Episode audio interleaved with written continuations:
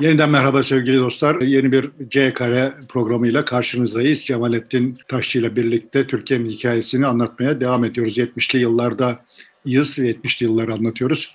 70'li yıllar aynı zamanda ekonomik olarak hem terörün çok azdığı, şiddetin arttığı bir 10 yıl hem de e, ekonomi olarak en azından Türkiye'nin çok sıkıntılar yaşadığı bir dönem. Dünyadaki durum da e, benzer e, özellikler taşıyordu belki ama Türkiye esas itibariyle çok büyük yokluklar dönemi yaşadı. Yağ kuyrukları, benzin kuyrukları diye meşhur laflar olarak dolaştı. İstersen biraz ekonomik durumdan bahsedip arkasından da biraz sonraki bölümlerde de biraz siyaset konuşur ve bitiririz gibime geliyor. Evet yani sonuçta şimdi dünya ekonomisi açısından bakıldığında sıkıntılı bir 10 yıldı. Bilhassa şeyden kaynaklanan daha doğrusu ona fatura edilen, petrol krizine fatura edilen evet. bir sıkıntılı 10 yıl yaşadı dünya. Enteresan bir hikaye var orada Japonya. Yani 1970'leri Japonya 10 yılı olarak da tarif edebiliriz. Dünyanın ikinci büyük ekonomisi unvanını Almanya'dan aldı 70'lerde ve sonuna kadar da o özelliğini sürdürdü yani. Sonrasında 80'lerden sonra bir resesyona girdi bir daha çıkamadı ama netice itibariyle bizim özellikle sağı böyle büyüleyen bir hikayeydi. Yani sağ entelijansiyayı diyelim böyle işte Hayır. vardıysa ne kadar vardıysa o sağ entelijansiya işte Japonlar yaptı biz niye yapamayalım filan hikayeleri Yani geleneğinden kopmadan, batı, batıyı taklit etmeden kalkınabiliyor pekala. Japonya bunu yaptı, niye biz yapamıyoruz diyen bir şeydi galiba. Evet, o, o minval üzere böyle bir yığın geyik. Ama yani 70'lerin başında yanlış hatırlamıyorsam Atilla Karaosmanoğlu diye bir ekonomistimiz vardı. Bir Dünya Bankası evet. ekonomistimiz o. Nihat hükümetinde başbakan yardımcılığı yapmıştı. Mesela o da bize 1970'lerin başında işte 2000 bilmem kaç yılında Türkiye İtalya'yı yakalayacak falan gibi böyle bir takım aritmetikler sunmuştu ve ben dumura uğramıştım yani. Bizim ne kadar çaresiz olduğumuz aslında o bize herhalde bir hedef göstermek istemişti ama ben bizim ne kadar çaresiz olduğumuzu düşünmüştüm yani. Ben, ben o kadar yaşamayacağım. Bir İtalya olmak için bu kadar bekleyeceksek falan diye bir duyguya kapılmıştım. Ama işte 1970'lerle böyle aynı zamanda bir de yani o Japonya misali birilerini büyüledi. Neydi Japonya'yı Japonya yapan hikaye? 1970'lere gelmeden önce İtalya'da pazarda Türk yumurtası değil bunlar diye pazarcıların yumurta sattıkları hikayesi yazılmıştı bir yerde. Aynı şekilde Türkiye'de ve dünyanın dört bir yanında da çeşitli mallar Japon malı değil bunlar diye satılıyordu. yani Japon malı hani bir zamanki Çin malı ya da hatta şimdi hala sürüyor olan Çin malı statüsüne sahipti yani. Uyduruk bir şey yani. Uyduruk. Bozulur. Hemen bozulur. Evet. Ama Japonlar çok kısa bir süre içinde e, bu imajı sildiler. Bir kalite ve teknoloji ülkesi, ekonomisi imajı kazandılar. Şimdi Çinlilerin yavaş yavaş yapıyor oldukları gibi. Burada işte kendi içinde çok renkli hikayeler var. Demin hikayesi var vesaire falan falan. Kendi ülkesinde bir türlü anlatamadığı şeyleri Japonlara anlatabilmiş yani ne bizi oralardan daha çok bu işin sosyoloji, sosyolojik tarafı ilgilendiriyor. Neydi Japon mucizesinin arkasına yatan şey? Sonuçta Japonya dünya piyasalarına eklemlenme iradesi te, e, sergilemişti ve çok hızlı bir biçimde demografisi çok kökten değişmişti. Yani çok şehirleşmişti. Aslında yapılan iş çok düşük ücretlerle dünya için üretim yapıp dünya pazarlarında bir yer elde etme işiydi. Ama bunu yaparken tekrar vurgulayayım. Esas rekabet gücü iş gücü maliyetinin düşüklüğüydü. Yani bugün e, bu dönemde Çin'in yaptığını o dönem Japonya yapmıştı. Evet. Şimdi bizim sağımız da bize aslında demeye çalışıyordu ki yani işçi ücretlerini baskılayalım ve işte Japonya'nın yaptığını yapalım falan. İhmal ettiği şöyle bir şey vardı. Yani sonuçta Japon burjuvazisi Japon kültürünün de yardımıyla ve devletin de desteğiyle bu tür bir projede rol alabilecek ataklığa, atılganlığa vesaire falan, falan sahipti. Bizim burjuvazimizin hiç öyle bir derdi olmadı yani. Yani bizim burjuvazimizin bütün derdi gücü hep şu oldu. O tarihlerde de sonrasında da yani. Şu gümrük duvarlarını biraz daha yükseltin. Ben biraz daha az rekabete maruz kalırım. Dolayısıyla işte Japon malından bile daha kötü malları Türk halkına kazıklayarak bugünkü durumumu sürdüreyim. Evet. Statükoyu sürdüreyim. Yoksa yani bizim burjuvazimizin bırak dünyaya mal satmayı Türkiye'deki malları bile daha iyileşme, daha çok satmak gibi bir derdi yoktu. Yok. Ana hatları itibariyle tablo şöyleydi. Zaten otomobil satın almak istiyor isem kuyruğa giriyordun yani. Tofaş. Talep üretimden fazlaydı yani. Evet Tofaş'a işte kuyruğa giriyordun. Şu kadar para yatırıyordu. Şu tarihte alacaksın yani işte aldığın zaman da şu kadar ödeyeceksin alacaksın falan.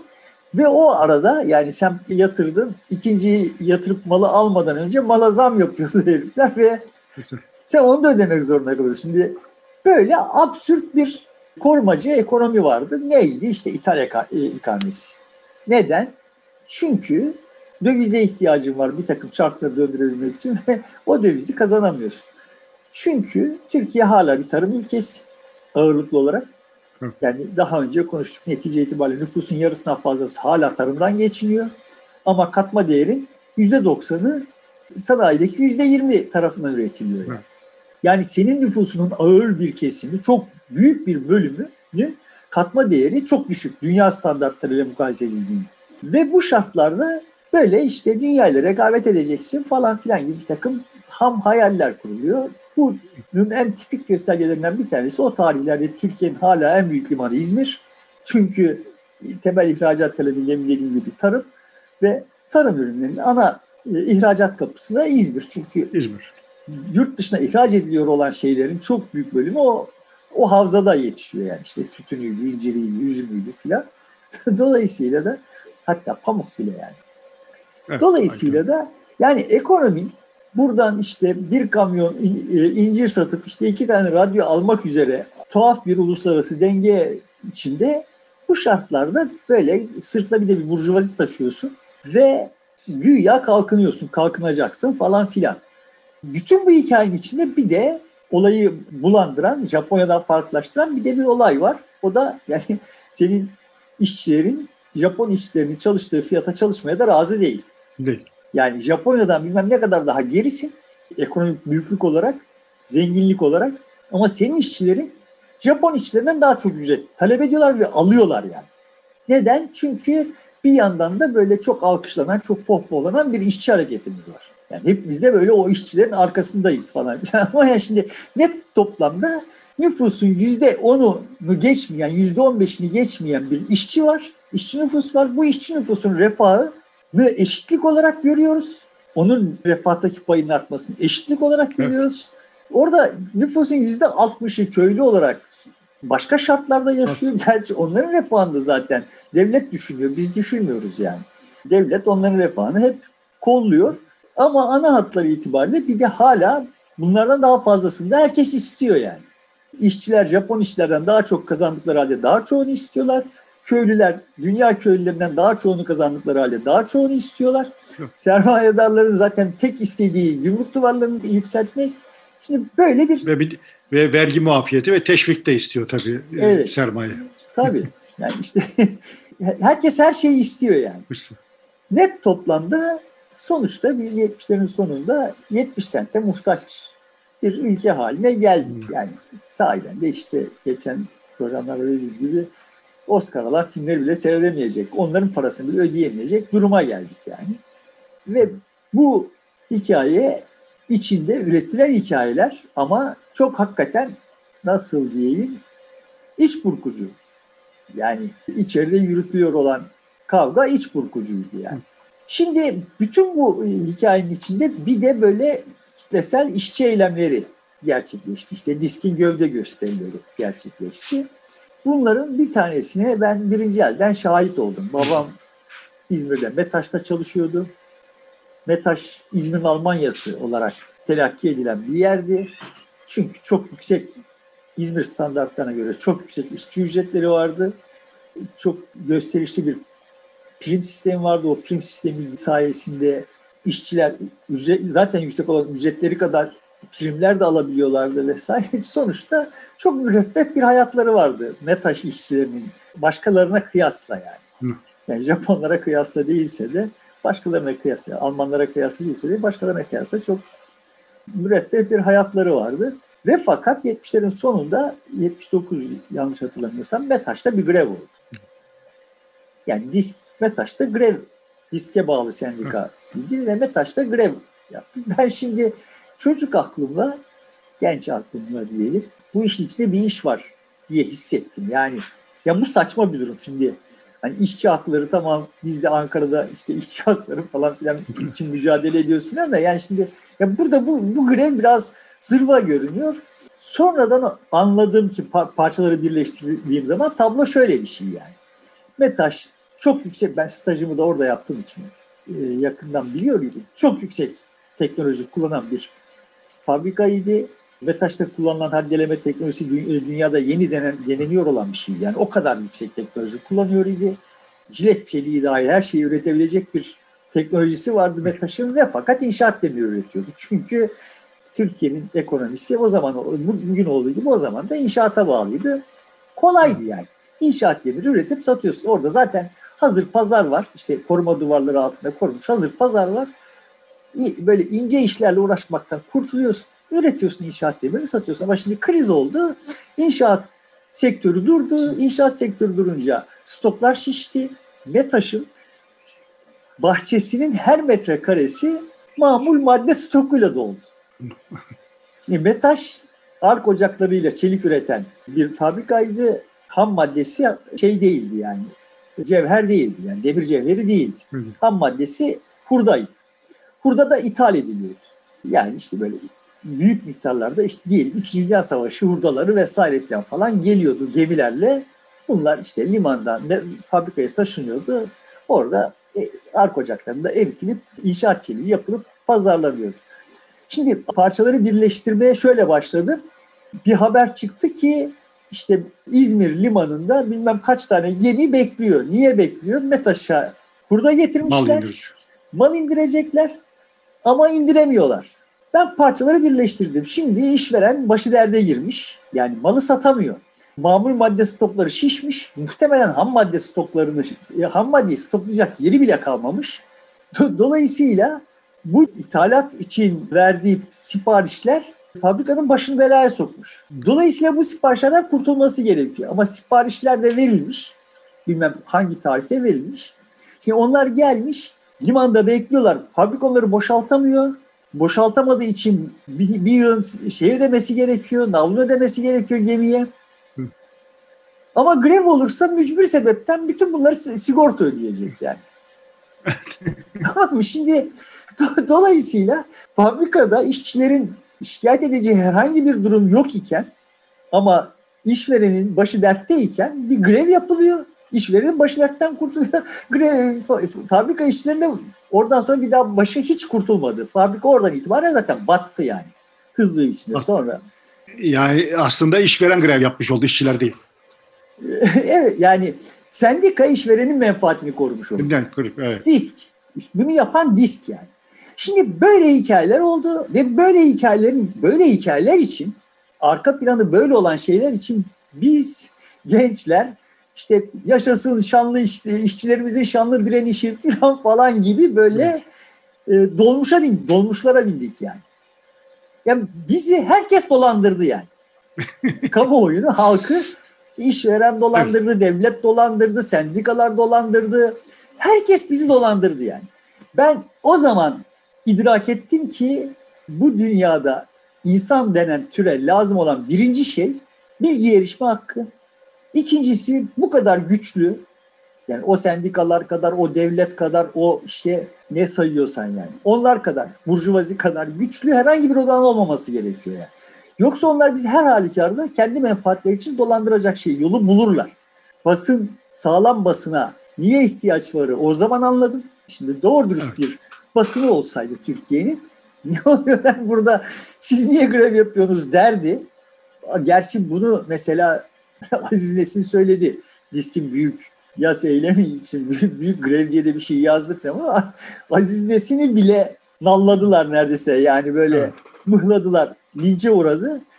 Şimdi hani sahiden sağlam bir basın olsaydı da söyleyebilir miydi onu da bilmiyorum ama ama Muhtemelen yani o da söyleyemezdi. Evet.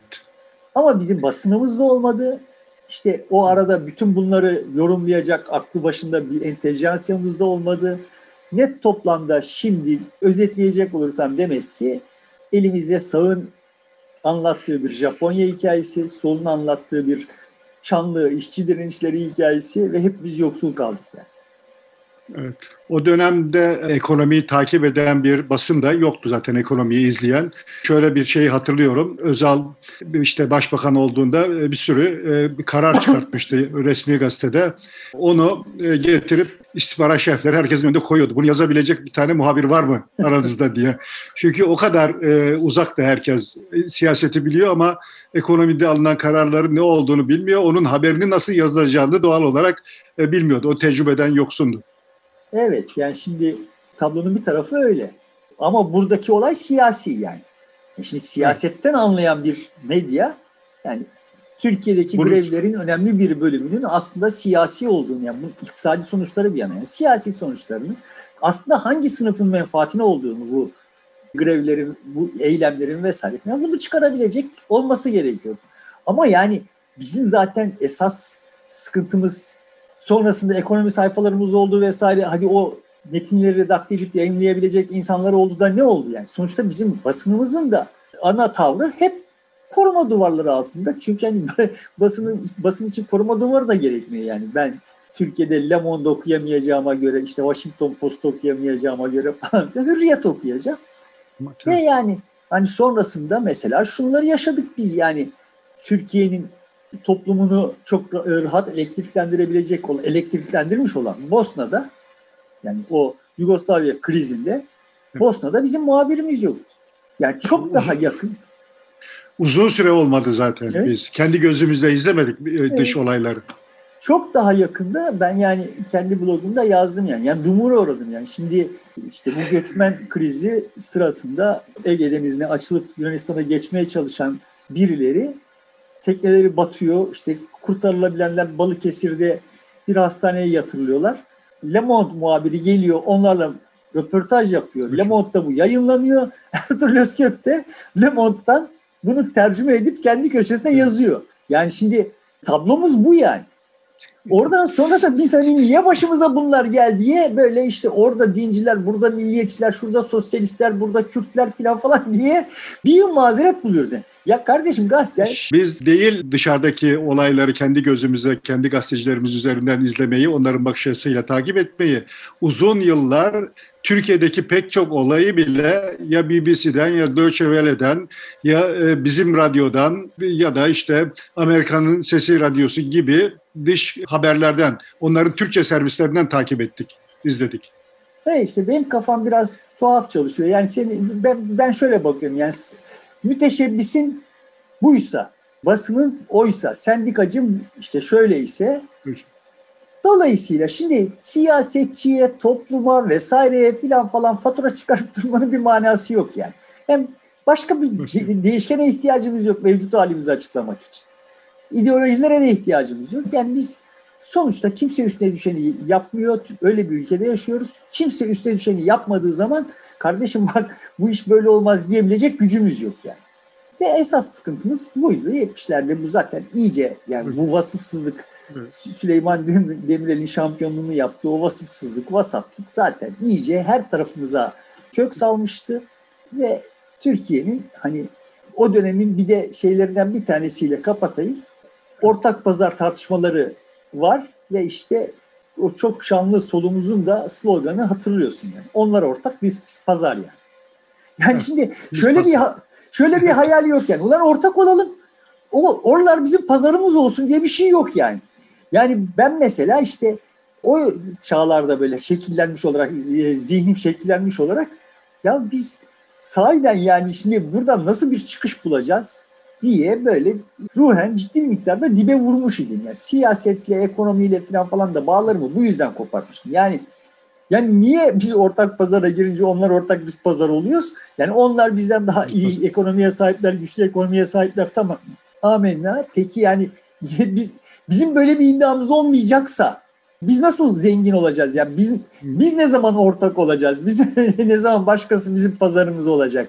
Yani Nasıl Japonya olacağız yani Japonya gibi olacağız eğer bunu yani yapamıyorsak. Japonya olmayı da çok o, ta, o tarihlerde bile çok önemsemiştim. Yani o Tabii. hikayede böyle aksak bir şey olduğunu hissetmiştim. Aynı şeyi şimdi Çin için söylüyorum yani. O hikaye aksak bir hikayeydi. Benim kanaatime göre o hikayeyi Amerikalılar kendi iç piyasalarını terbiye etmek için e, ürettiler yani o tehdit hikayesini, Japon tehdit hikayesini. Aslında öyle bir matah bir şey yoktu yani orada. O dönemde bir de 79 Mayıs'ı gibi baharında e, TÜSİAD'ın verdiği ilanlar var. E, gazeteler tam sayfa. Bizim Burjuvazi ilk defa siyasete orada müdahale etti ve gidişatın kötü olduğunu, ekonominin e, iyiye gitmediğini belirtip gerçekçi çıkış başlığı altında e, bir tam sayfa ilan vermişti. Evet. Şimdi hatırlamıyorum. O ilanları hatırlıyorum da içeriğini hatırlamıyorum. O yani gerçekçi çıkış olarak gördükleri her neyse onu yani gerçekte bir gerçekçi çıkışı gerçekleştirebilecek bir cevvaliyetleri yoktu. Ben şimdi tekrar hatırlatayım. Ekonomiyle bu ilanların arkasında da Turgut Özal'ın olduğu, onun ondan esinlenerek bunları ilanları verdiklerini söylüyorlar. Muhtemelen yani sonuçta Turgut Özal bunlara bir şeyler sufle etmiş olabilir ama yani Turgut Özal'ın politikalarına uyum sağlamak konusunda da o büyük burjuvazi son de, yani daha sonrası 80 sonrası son derece başarısız oldu. Yani devletin aşırı desteği olmasa birçoğu yine ayakta kalamayacaklardı yani. Sonuçta şimdi ben siyasetle ve ekonomiyle ilişkimi dondurmuşum artık onlardan bir şey beklemez hale gelmişim. Bir yandan işte edebiyat, bir yandan resim, bir yandan işte bilim filan bir şeylerle uğraşıyorum ve niye bu canına yandı bunun Türkiye'sinde biz bunlarla uğraşamaz durumdayız filan diye böyle içim çekiyorum. Yani ODTÜ'de okuyorum, yüksek lisans yapacağım falan da hani ODTÜ'de ot kalsam ve profesör olsam bile o okurken heyecan duyduğum yazıları yazamayacak olduğumu da görüyorum yani. O profesörlerin halini de görüyorum. Yani orada da bir hata bir şey yok yani. Türkiye'nin herhangi bir yerinde herhangi bir şey dişe dokunur bir şey değil. Yani futbol futbol değil, ekonomi ekonomi değil, sanat sanat değil, bilim bilim değil. Her şeyin bir niş gibisi var ortada. Ona rağmen yine işte böyle sistem dinamik, sistem dinamik işte öğrenmişim. Oralardan işte o gözle ekonomiye bakıyorum. işte sağdan soldan yurt dışından böyle ciniz bir takım şeyler çıktığı zaman ya bir dakika dünya allak bullak oldu. Bizim bildiklerimiz galiba yetmiyor diyen birileri işte filan bir şeyler yazdığı zaman onları okuyup anlamaya çalışıyorum falan. 1980 yılbaşı 80 yılının yılbaşı gecesi şimdi rahmetli oldu bir arkadaşımla hızlı so- sosyalist bir arkadaşımla bizim evde yılbaşı partisi var. Evde Tunus Caddesi'nde çatı katı ev 40 metrekare ama terası 250 metrekare yani. Tabii ama 31 Aralık gecesi Buz gibi dışarısı Ankara kışı. Fakat içeride de bilmem kaç kişiyiz. Sigara dumanı boğucu hale gelmiş. Rahmetli arkadaşıma sigara içmiyor. iyice rahatsız olmuş. Şöyle bir dışarı çıktı. Terasa çıktı. Ben de şimdi ev sahibiyim. Hani yakışık almayacak diye çıktım. O İş Bankası'nın binasına bakan bir terasımız var. Böyle o binaya bakarak iç geçiriyor filan. Bir şeyler söyledi işte banka, ek, finansman, ekonomi, işçi hakları filan falan şeyinden bir şeyler söyledi. Damarıma basıldı yani. Bakayım bu dedim bu işler hiç olacak iş değil. Senin söylediğin yollarla buralardan bir çıkış yok yani. Türkiye Türkiye'de bir çıkış varsa o çıkış dedim ancak şöyle olur dedim böyle küstah küstah 5-6 tane madde sıraladım. 24 Ocak'ta Turgut Özal'ın açıkladığı proje program neredeyse böyle programı neredeyse kelimesi kelimese tahmin etmişim yani. Yani 24 gün önceden o programı neredeyse kelimesi kelimese tahmin etmişim. Yani benim bakış açım şuydu kardeşim. Bu memlekette işçi Japon işçisi kadar çalışacak, Japon işçisi kadar alacak. İşveren Japon işçisi kadar cevval olacak, yurt dışı pazarı peşinde koşacak. Gazeteci Alman gazeteci kadar yırtıcı olacak. Herkes üstüne düşeni yapacak ki biz bir şeyleri hak ettiğimiz yani şimdi yaşıyor olduğumuz şartları hepimiz hak ediyoruz. O futbolu hepimiz hak ediyoruz. O çürük çalık Otomobili hepimiz hak ediyoruz. Çünkü hiçbirimiz üstüne düşen, üstümüze düşeni yapmıyoruz. Öğrenci olarak ben yapmıyorum. Yani Almanya'daki herhangi bir öğrencinin harcadığı çabanın onda birini harcayarak sınıfları geçiyorum. İşte yüksek lisans yapacağım vesaire. Yani sonuçta ortaya çıkan ürün bizim emeğimizin ürünü ise eğer ben bizim emeğimizde zaten bu kadar çıkar. Dolayısıyla bizi zorlayacak, bir yandan zorlayacak, bir yandan ümitlendirecek bir şeylere ihtiyaç var. Yani biz bu kafalarla buradan çıkamayız idi. Şimdi hani Turgut Özal'a gelince, şimdi eğer TÜSİAD Turgut Özal'ın suflesiyle bir şeyler yayınlamışsa şeyin içeriğini hatırlamıyorum yani. Ne yayınladığını bilmiyordur yani. Çünkü hiç böyle hani poposunu kaldırmaya falan falan hevesi yoktu. Ki hiçbirisinin yoktu ve hala yok. Yani. yani hala yok. Hala şimdi bunları yurt dışında bir şey satabilmek için, yurt dışına satılabilir bir şey üretebilmek için bilmem ne kadar ittirmen gerekiyor ya. Ya kimsenin bir şey için çaba harcadığı yok memlekette. Ve istiyoruz ki her şey Almanya'daki, Japonya'daki gibi falan falan olsun. Ya. Yani dünya böyle bir şey değil yani. Şimdi böyle söyleyince de vay kapitalist, kapitalist falan, kapitalizmin güzellemecisi falan falan bir şeyler oluyoruz. Böyle absürt absürt şeyler konuşuyoruz. Lan kim hiçbirimiz kardeşim yani sosyalistlik yapacaksanız gidin Andragors kadar çalışın. Yani Fransa'da da var lan sosyalistler. Biriniz ya biriniz sosyalizme bir tane Fransız sosyalistinin katkısı kadar katkı yaptınız mı kardeşim ya? Üç tane ezber, işçi sınıfının şanlı mücadelesi, hangi sınıf ne mücadele etmiş, neyi hak etmiş de neyi alıyor filan falan bir tanesi çalışmamış. Böyle üç tane ezberleriyle mektepte öğrendikleri üç tane formülle bütün dünyayı deşifre edip böyle şakır şakır konuşuyor. Sonra da bizim başımıza bunlar niye geliyor? niye daha niye gel gelmesin yani? Doğu Neyse. Perinçek'in vakti çoktur. Bizi izlemiyordur. İzlemiş olsa herhalde sana bir cevap yetiştirirdi. Ha, ne gibi? Biz bunca emek harcadık. E, ha, yani sosyalizme şöyle evet, yani, Bütün sosyalistlik işte de, de, Perinçek gibilerin yani elinde kaldı yani. Yani neyi biliyor kardeş? Evet. Yani Allah sosyalistin işi gücü devleti ele geçirmek oldu. Yani bütün bütün mesaisi bu oldu ya. Yani en azından mücadele ediyor. Bak bugün yönetimde ve yönetimin bir parçası olduğunu iddia edebiliyor. yani de, de. Şimdi ben bunu fi tarihinden öyle adlandırmıştım. Oradan beri hep böyle kullanıyorum. Sonuçta Türkiye'de her, herkes simyacı. Kimse kimyacı değil. Herkes simyacı. Evet. Herkesin cebinde bir simya formülü var. Onu uygulayacak, bakır altın olacak yani. Tek meseleleri var herkesin. Bak ben biliyorum bunun formülünü de. Bunu bana yaptırmıyorlar. Dolayısıyla şimdi Kürdü oradan indirirsem ip benim elime geçerse aha o simya formülüyle Türkiye şıp diye bir şey olacak. Ötekinin sosyalisti indirirse, berikinin dinciyi indirirse yani sonuçta herkesin bir simya formülü var. Ya ama tamam da bunu niye anlatmıyorsun? Ya anlatırsam çalarlar. Yani şimdi böyle bir absürt bir şey var yani. Ya böyle bu dünya simyayla bakırın altın olacağı bir dünya değil. Bu dünya ince ince bakır işleyeceksin. Bakırdan şık şeyler yapacaksın. İnsan ihtiyacını karşılayacak bir şeyler yapacaksın filan falan. Böyle zenginleşiliyor. Kimse simya ile zenginleşmedi yani. Zenginleşmek deyince de böyle hani çok böyle tüketim meraklısı olduğum filan falan manası çıkartıyor olabilir, olabilir tanıyanlar ya beni bilen biliyor ya. Ben öyle tüketim filan falan değil. Ya ben doğru dürüst müzik dinlemek, doğru dürüst futbol seyretmek yani bir şey almışsam onun doğru dürüst olmasını istiyorum. Kardeşim hepsi bu yani. Bana saygı evet. gösterilmesini istiyorum yani. Öyle olmadığını anladık zaten 70'li yıllar e, kaybedilmiş, heba edilmiş bir 10 yıl olarak önümüzde duruyor. Hepimiz e, aslında çok şey kaybettik o dönemde. Ekonominin tabii bu halde olmasının esas sebebini tekrar bunu bir daha vurgulayayım. esas sebebi sonuçta Türkiye'nin köylü bir toplum olmasıydı.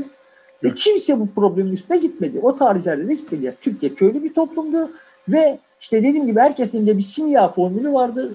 Toplum köyde olduğu halde biz zenginleşecektik. Yani.